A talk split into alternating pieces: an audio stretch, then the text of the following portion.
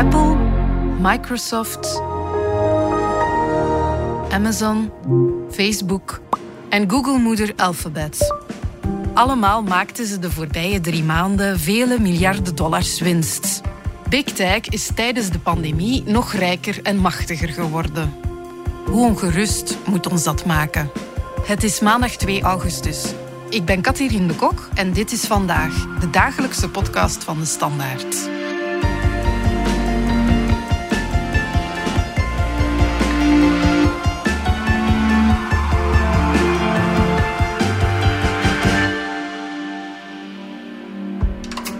Bij mij zit de technologieredacteur Dominique Dekmijn en uh, Nico Tange van onze economieredactie. Vertel eens, uh, Nico, uh, heb jij de voorbije maanden iets gekocht bij eh, een van de grote technologiebedrijven? ik niet, nee. Ik ben waarschijnlijk een uitzondering. Maar ik moet wel toegeven, ik heb bijna dagelijks Google gebruikt. En jij, Dominique? heel veel Amazon gekocht. Alhoewel toch iets vaker bol.com, moet ik eerlijk wel zeggen. Ja, en blijkbaar waren jullie niet de enige. Hè? Uh, want als we kijken naar de kwartaalcijfers van uh, Apple, Alphabet en uh, Microsoft, dan ja, die waren zonder meer indrukwekkend. Today, Apple is reporting a very strong quarter with double-digit revenue growth across our product and services categories and in every geographic segment. We continue to grow new franchises for Microsoft in large and growing markets. In the past three years, alone, gaming, security, and now LinkedIn have all surpassed $10 billion in annual revenue. We'll start with results at the alphabet level. For the second quarter, our consolidated revenues were 61.9 billion, up 62% or up 57% in constant currency. Samen 57 miljard dollar winst in drie maanden tijd. Dat is natuurlijk enorm veel. Als we dat bijvoorbeeld uh, zouden vergelijken met de Bel 20, dat zijn de 20 grootste beursgenoteerde bedrijven in België, wel, die maakten 9,8 miljard dollar winst in één jaar. En het was bovendien ook nog erg verrassend, want analisten maken uh, elk kwartaal ook voorspellingen van die winst. En de winsten van die drie uh, grote techreuzen lagen 30% hoger dan eigenlijk iedereen vooraf had verwacht. En als we eventjes bekijken naar de drie bedrijven, Apple maakte 21,7 miljard dollar winst, Alphabet 18,5 en Microsoft 16,5. En de belangrijkste trends daarin, dan zag je bijvoorbeeld bij het Apple dat alle productcategorieën een sterke stijging lieten optekenen de voorbije drie maanden. Zowel iPhones als iPads, Mac-computers. Het ging allemaal veel beter over de toonbank uh, dan een jaar geleden. Als we kijken naar Alphabet, dan, dan was daar vooral de sterke advertentieinkomsten uh, opmerkelijk, plus 69 procent, waardoor dat, uh, ja, Google Search, de zoekmachine, nog altijd goed is voor bijna de helft van alle omzet bij Alphabet. En bij Microsoft? Ja, daar was het vooral de clouddienst Azure. Uh, clouddienst, dat is eigenlijk, ja, om het wat in mensentaal te omschrijven, waar bedrijven rekenkracht en opslagruimte kunnen bestellen via servers. Wel, ja, die steeg met 51 procent de verkoopcijfers, dus dat was ook wel indrukwekkend. Ja, ook indrukwekkend waren de cijfers van Amazon, hè, met maar liefst 7,8 miljard winst voor de voorbije drie maanden. Um, maar hoe zit het met uh, Facebook, Dominique? Ja, Facebook is een dagje later gevolgd met zijn cijfers. En inderdaad, ook wel goed, uh, zelfs schitterend, maar misschien net ietsje minder goed dan die andere. Dus viel een klein beetje uit de toon tegen de andere big tech bedrijven. Maar ja, al die bedrijven hebben het schitterend gedaan. Hè. Je moet rekenen, we zien een lockdown-effect, een corona-effect. Maar dat was een jaar geleden eigenlijk ook al zo. Hè? Dus we vergelijken nu natuurlijk met de periode een jaar geleden. Zagen we al Amazon heel sterk de verkoop verhogen. Je zag al die groei bij Microsoft. We moesten digitale equivalenten zoeken uh, voor alles. Online shoppen, maar ook uh, tools als uh, Microsoft Teams. Heel belangrijk stuk software gebruiken voor telewerken. En nu zie je een jaar later die sprong voorwaarts die die technologiebedrijven tijdens de lockdown hebben gezet is niet gestopt, die gaat gewoon verder. Waardoor je zou kunnen concluderen, die bedrijven hebben niet alleen geprofiteerd van het begin van die coronagolf, van het begin van die lockdown, maar ze blijven profiteren, ze blijven doorgroeien en eigenlijk heel de rest van de economie overschaduwen. Dat vind ik toch wel opmerkelijk. En de beurzen, hoe reageerde die, Nico? Wel, je zou eigenlijk verwachten als leek dat dan die beurskoersen ook sterk zouden stijgen, maar dat gebeurde eigenlijk niet. Er was geen koersopstoot, in mm. tegendeel. Er was wel echt koersverlies. Er waren wat beleggers die winst namen, behalve dan voor Alphabet. Waren er wel een kleine koerswinst van 5% was net na het bekendmaken in de nabeurshandel. En hoe ehm, komt dat? Wel, verschillende redenen. Ik denk een, een deel van het nieuws zat al in de koersen. Als je kijkt naar de koersontwikkeling van voorbije maanden, dan zie je eigenlijk dat al die techbedrijven stijl omhoog gaan. Als je bijvoorbeeld kijkt naar Alphabet, daar, daar is eigenlijk de beurskoers nu ongeveer 26 keer de jaarlijkse winst waard. Dus die price earnings ligt al heel hoog. Dus beleggers hadden al een beetje hoogtevrees. Dat is één verklaring. Twee, er zat ook wat twijfel in de markt, omdat een paar dagen daarvoor eh, de Chinese overheid de techsector voor de zoveelste keer hard had aangepakt. Ook daar is een beetje een vrees van, oké, als China dat doet, zal dat niet wat overwaaien naar de rest van de markt? Eh, wat zijn daar nu de gevolgen van? En alles maakte eigenlijk dat veel beleggers ervoor kozen om op een piek het aandeel te verkopen in beurs kringen heb je daar mm. een heel mhm. mooi spreekwoord voor. Dat is buy the rumor, sell the news. En dat is eigenlijk wat er uh, begin deze week uh, gebeurde. Mm. Uh, we hebben het hier net al over gehad. Door de pandemie zijn mensen veroordeeld om digitaal te werken en zich thuis te entertainen. Maar hoe komt het dat Big Tech zulke indrukwekkende winstcijfers kan voorleggen? Ligt het alleen maar aan de pandemie of is hier meer aan de hand? Wat, ik denk dat er gebeurd is in de techsector, wat er in zoveel sectoren gebeurd is, namelijk een trend die voor de pandemie al duidelijk aan de gang was. We kochten al meer online, we gebruikten al meer onze smartphone en, en verschillende apps. Wel, dat is natuurlijk door, door de pandemie is dat alleen nog maar versterkt. Dus ik denk dat we het niet verder dan dat moeten zoeken. Ja, en tot hiertoe had je nog kunnen denken van na die lockdowns gaan we een beetje terug naar het leven zoals het was. Niet volledig, maar toch voor een stukje. En ik denk dat we ons de laatste weken, maanden beginnen realiseren dat dat nog minder zo was dan we al dachten. Dus er gaan nog minder mensen ooit nog terug naar kantoor. En het bedrijf dat daar het meeste van profiteert is Microsoft. Die hebben daar volledig op ingezet op technologie.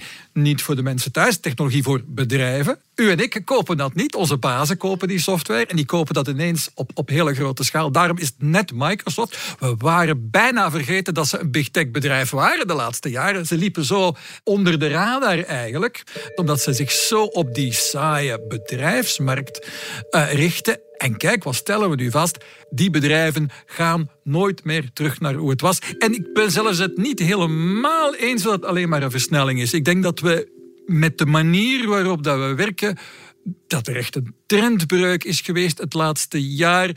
En ja, misschien was het anders ook gebeurd, maar ik ben daar nog niet zo zeker van. Het was ook Satya Nadella, de CEO van uh, Microsoft, die tijdens de telefoonconferentie van de kwartaalresultaten ook een mooie vergelijking maakte. Hij zei van ja, kijk, uh, eh, 5% van het wereldwijde BBP wordt nu al besteed aan uh, technologiediensten. You know, I always go back to that number, which is 5% of the world GDP is tech spend. It's uh, projected to double. Er was al voorzien dat dat zou verdubbelen. I think uh, that doubling will happen in a more accelerated pace. Maar dat gaat nu aan een veel sneller tempo gebeuren dan dat we ooit hadden gedacht. Dus ook hij zag duidelijk, ook bij die grote bedrijven, ja, dat er een bestedingspatroon is dat niet zal verdwijnen. Integendeel, dat dat, dat nog veel mhm. sneller zal gaan dan dat zij zelf hadden voorzien voor de pandemie. En intussen heeft Big Tech die, die monsterwinsten gemaakt. Hoe moeten we daar nu naar kijken? Ja, de digitalisering heeft, zoals Dominique het al aangaf, een forse duw gekregen. Op zich lijkt me dat toch wel een positieve evolutie. Ja, natuurlijk. Maar wat dus meespeelt is dat die grote techbedrijven daar relatief weer meer van profiteren dan de kleinere. Je moet niet vergeten dat aan het hele begin van die lockdown praten we niet over Teams van Microsoft, want dat product was maar half af. Men praatte toen over Zoom. Dat was het programma van de lockdown. Maar zij stoten op technische problemen door die enorme schaalvergroting die ze opeens moesten meemaken. Microsoft kon dat beter trekken. Dat speelde in hun sterkte eigenlijk. Hun cloud-technologie stond behoorlijk robuust, maar het product Teams was eigenlijk amper af. En ze hebben dan een gigantische tempoversnelling ingezet wat zij konden als enorm bedrijf. Zij kunnen ergens duizenden ontwikkelaars opzetten. Ze hebben eigenlijk technisch gezien de concurrentie, waaronder Zoom, kunnen voorbijsteken op enkele maanden tijd. En tegen het einde van die lockdown-periodes, die toch een beetje naar een einde lopen, zie je dat Microsoft eigenlijk de koploper is geworden. Bedrijven die veel middelen hadden, veel mensen hadden, hebben beter dan andere bedrijven kunnen omgaan met die lockdown in hun eigen werking en hebben ook meer kunnen profiteren van de situatie. Je kan ook een historisch vergelijking maken. Hè. Ik bedoel, het feit dat al die grote techspelers allemaal machtiger worden, heeft natuurlijk veel te maken met data. Ze verzamelen enorm veel data. En data eigenlijk zijn deze eeuw wat olie was de vorige eeuw. Google kan zien wat mensen aanklikken. Facebook ziet wat mensen liken. Apple weet welke apps mensen gebruiken. Amazon weet wat mensen kopen en hoeveel ze daarvoor betalen. Dat is allemaal van een onschatbare waarde. En kennis is al maar meer macht in deze internet-economie. En zorgt er dan voor natuurlijk dat die bedrijven wel heel erg dominant worden. Met vooral als belangrijkste negatief effect dat ze ervoor zorgen dat eigenlijk alle kleinere concurrenten weggespeeld worden. Dat hmm. eigenlijk de innovatie verdwijnt. En, en dat was eigenlijk ook zo eind 19e eeuw met olie. Eh, toen had John D. Rockefeller had met Standard Oil 90% van de oliemarkt in handen. En toen heeft de Amerikaanse regering ingegrepen en Rockefeller verplicht om Standard Oil op te splitsen in 34 aparte bedrijven. En de vraag is nu natuurlijk, zal dat ook op termijn gebeuren met die internetbedrijven? Nu, je ziet wel dat die techbedrijven uh, ja, zich wel zorgen maken hè, over hun imago. Alphabet, Apple en Microsoft die klopten zich de voorbije week ook op de borst door te zeggen dat ze tijdens de pandemie getroffen bedrijven en consumenten hebben geholpen. Maar mogen ze een, status als filantropen claimen, vinden jullie? Uh, nee, ik denk dat dat niet echt aan de orde is. Maar ik denk dat ze wel degelijk met enig schaamrood uh, de afgelopen dagen waren aan het vertellen hoeveel miljarden ze nu wel werkelijk hebben verdiend aan deze periode die voor iedereen anders zo moeilijk was. Dus ja, er was een klein beetje terechte schaamte over hoe goed ze het hadden gedaan. Die imago van die bedrijven is effectief een belangrijke factor aan het worden. Want ja, vroeger waren die bedrijven, zeker op de Amerikaanse thuismarkt, die waren boven alle twijfel verheven. Hè. Amerika stond achter zijn succesverhalen. En dat is al enkele jaren aan het keren geweest. En dat keert nu alleen maar nog meer. Er is nog een machtswissel geweest hè, in het Witte Huis ondertussen. De vorige had ook al een beetje zijn problemen met enkele van die technologiebedrijven. Maar die schoot meer een beetje in het wilde weg op de technologiebedrijven. Maar met Joe Biden is er nu een president die beslist heeft dat die bedrijven wel degelijk te groot, te machtig, te succesvol zijn. Without healthy competition, big players can change and charge whatever they want and treat you however they want. En dat ze wel degelijk het succes van andere, kleinere, veelbelovende bedrijven afremmen, beletten. for too many Americans, that means accepting a bad deal for things that can't go, you can't go without. Mogen we intussen van een, van een machtsgreep uh, van Big Tech uh, spreken? Als je kijkt naar het afgelopen jaar, uiteindelijk is alleen maar versterkt wat al bezig was. Hè? Dus die bedrijven hebben een gigantische macht. Europa is daar eerder aan begonnen dan Amerika om te kijken naar het overwicht van die bedrijven. Want ja, die bedrijven uh, zijn niet van ons. Hè? We hebben er zo zelf eigenlijk geen in huis.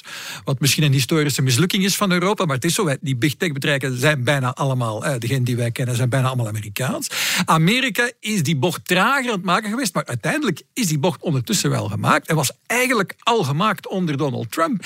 De klachten die bespreken nu al echt over antitrustklachten, klachten over monopoliemisbruik tegen Facebook en Google, die nog ingediend zijn in de Trump-periode, maar met instemming, met steun van de Democratische mhm. Partij. Dus ja, hoe, hoe, zit het daar nou ondertussen mee met die antitrustzaken tegen de techreuzen?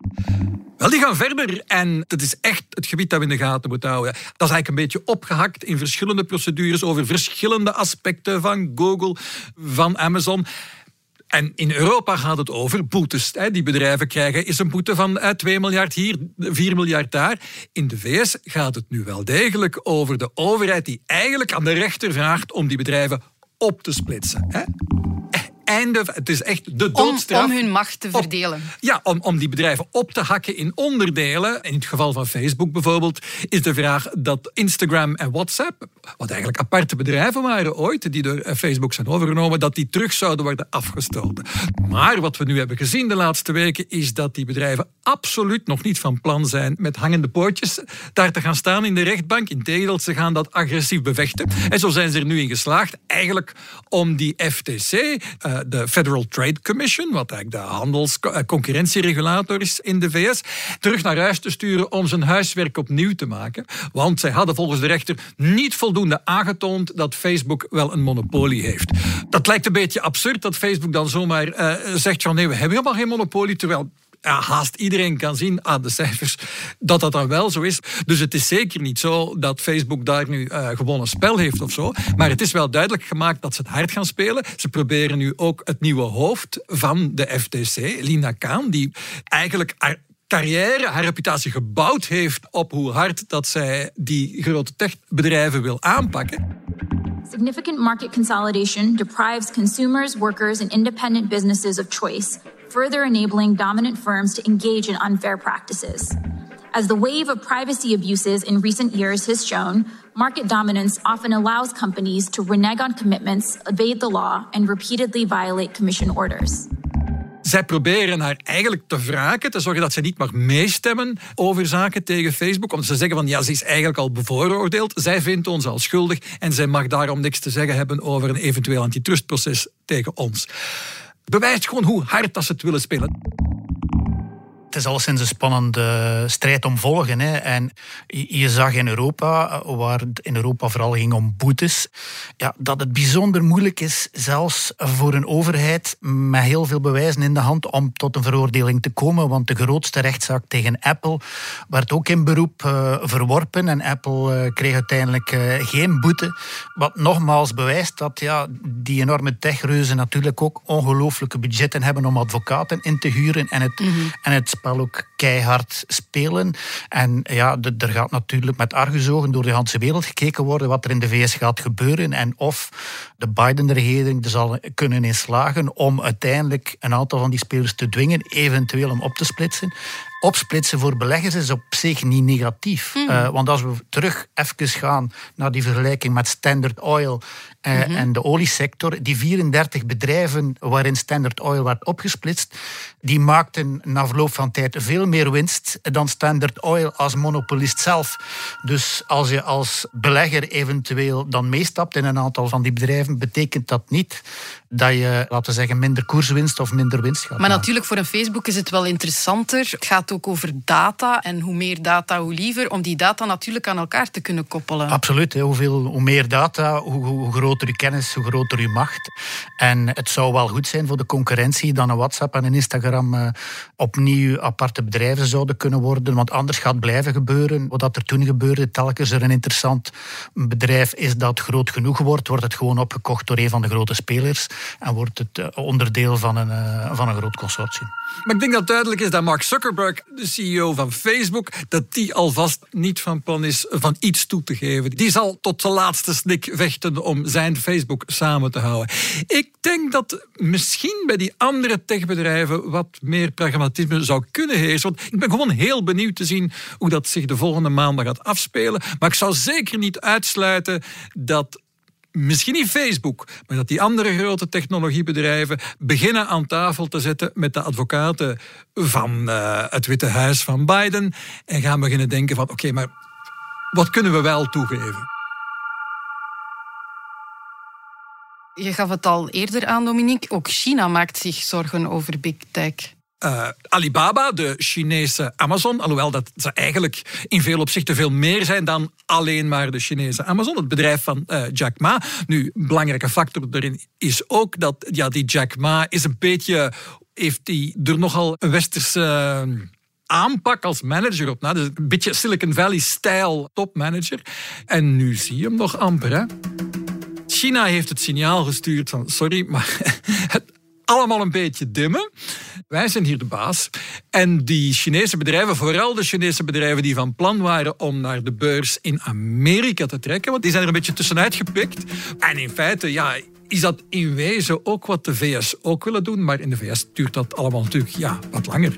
Dat heb je ja. met de westerse democratieën. Wat je, wat je ziet is dat China heel duidelijk vanaf het begin eerder aanstuurt op het opsplitsen van bepaalde techspelers en minder op hoge boetes geven. Al die bedrijven, onder andere Alibaba, moeten wel in het stof hè, om duidelijk aan te geven eh, China is de baas. Zelfs nadat ze een boete hebben gekregen, gaan er persberichten naar buiten waarbij dat ze toch danken eh, de, de concurrentiewaakhond eh, dat ze toch een boete hebben gekregen en dat ze inderdaad bevestigen dat ze vanaf nu het maatschappelijk belang boven alles gaan, gaan stellen en de communistische partij.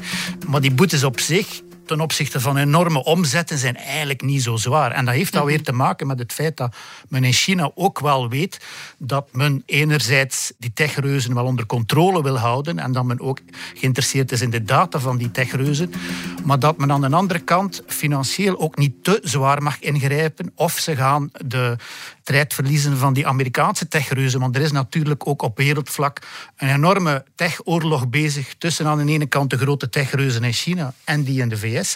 En als je natuurlijk daar te hard op ingrijpt, zou je die wel eens kunnen verliezen. En dus is het ook aan, aan Chinese kant een soort evenwicht zoeken op dit moment. Oké, laten we eens eh, vooruitblikken. Ehm, ja, zal Big Tech het komende jaar dan alleen maar verder groeien? Wel, ehm, ja, ik denk het wel, maar aan een minder. eh, het groeitempo zal een stukje lager zijn. En dat heeft voor een deel te maken met het chiptekort dat er op dit moment natuurlijk is. Je zag bijvoorbeeld al dat, ik denk Apple al waarschuwde dat voor het komende kwartaal dat ook wel een invloed zal hebben op eh, ja, de productie van het aantal iPads en iPhones. De Xbox had er al last van, hè, want Xbox, denk ik, de omzet was met 4% gezakt. En dus ook op andere terreinen zou je wel zien dat eigenlijk het groeitempo ietsje lager zal zijn dan dit spectaculaire kwartaal. Maar, maar natuurlijk, als we op, op de middellange termijn kijken, ja, dan denk ik als er geen regelgevende aanpassingen komen, dat die grote spelers alleen maar groter en sterker eh, En- gaan worden. Want ik zie niet in wat er zou kunnen tegenhouden, behalve een ingreep door de overheid. Nu, Dominique, zie jij nog andere grote uitdagingen voor eh, het komende jaar? Als het Nou, voor de, voor de, de technologiebedrijven die het vooral van reclame moeten hebben, dat zijn Facebook en Google. Daar is wel iets heel bijzonders aan de hand. En daar hebben ze trouwens ook allebei voor gewaarschuwd tijdens de presentatie van hun resultaten. En het feit dat ja, alles wat reclame op smartphones en ook op computers aangaat, is eigenlijk aan het veranderen de komende jaren. En het heeft alles te maken met dat we niet meer zo met onze data willen smossen, zoals we dat de afgelopen jaren hebben gedaan. Als we kijken naar de superresultaten van Apple, die waren voor een flink stuk te danken, omdat Apple zijn iPhone en zijn andere toestellen ook, maar vooral die iPhone heeft kunnen positioneren. Al dat is nu eens de smartphone die eh, voor uw privacy zorgt. Gebruikers van een iPhone krijgen nu het recht om te zeggen, die mogen zelf kiezen of ze nog gevolgd willen worden eh, voor het sturen van gepersonaliseerde reclame door apps als Facebook of liever niet. En wat blijkt, bijna iedereen zegt ja, liever niet. Eh, dus Facebook heeft moeten waarschuwen van ja, sorry, maar die wijziging die Apple heeft doorgevoerd en die dus meegezorgd heeft voor hun spectaculair goede resultaten in dit kwartaal, gaat ervoor zorgen dat wij volgend kwartaal misschien toch wel ja, minder aan gerichte reclame op iPhones kunnen verdienen. En het gaat verder dan dat, want niet alleen Apple, maar ook een aantal andere technologiebedrijven profileren zich nu op. We gaan eh, zorgen dat u op het internet niet meer zo gevolgd kunt worden. Er is nu heel grote druk om de tracking cookies. Dat zijn dan die kleine bestandjes die op je computer worden geplaatst als je op het internet surft. En die ervoor zorgen dat een paar Nike-schoenen je over het hele internet kan blijven volgen als je hem ergens hebt Of in gezien. mijn geval handtassen van een bepaald merk. Bijvoorbeeld. Maar dat stopt. Hè? Dus, en Google heeft, eh, had eerst gezegd dat stopt eind dit jaar. Hebben nu gezegd van we laten dat nog twee jaar toe. Maar ze staan onder hele grote druk om dat te stoppen. En tegelijkertijd onder heel grote druk van adverteerders om dat toch nog toe te laten over een andere manier te vinden. Heel die online reclamewereld ligt nu overhoop. En dat in, voor een stuk heeft Europa dat enkele jaren geleden in gang gezet met zijn privacywetgeving en zo. Hoe dat gaat aflopen weten we nog niet. Ik denk wel dat we nu mogen concluderen van het is zeker niet het einde van de gigantische reclameinkomsten van Google of Facebook, want dan hadden we het nu al gezien. Nu, Mark Zuckerberg had het ook tijdens die presentatie van de kwartaalcijfers over ja, een soort herpositionering van zijn bedrijf als metaverse Ja, dat was bedrijf. Eigenlijk super gek. In many ways, the metaverse is the ultimate expression of social technology. And you can see why we're so excited about it.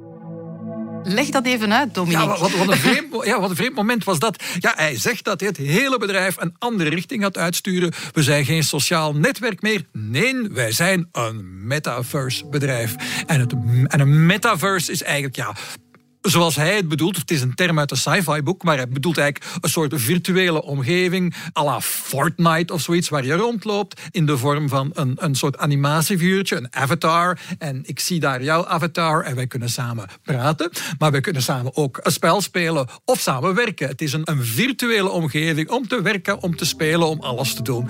En wat zegt Facebook? Ja, wat we nu op onze smartphone doen, wordt eigenlijk vervangen door één groot metaverse. En dat wil Facebook voor een flink stuk zelf gaan bouwen.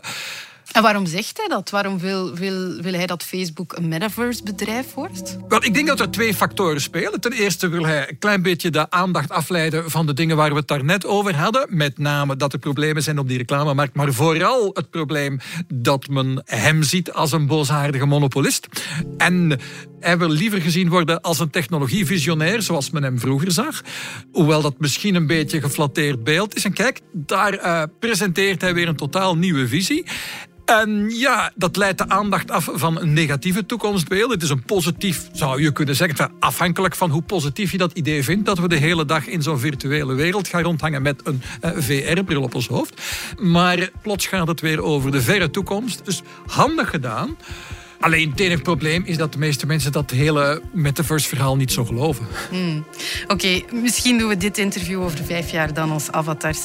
Nico Tange, Dominique Dekmijn, bedankt voor het gesprek. Dit was vandaag, de dagelijkse podcast van de Standaard. Bedankt voor het luisteren. Reageren kan via podcast.standaard.be. Alle credits vind je op standaard.be-podcast. Morgen zijn we er opnieuw.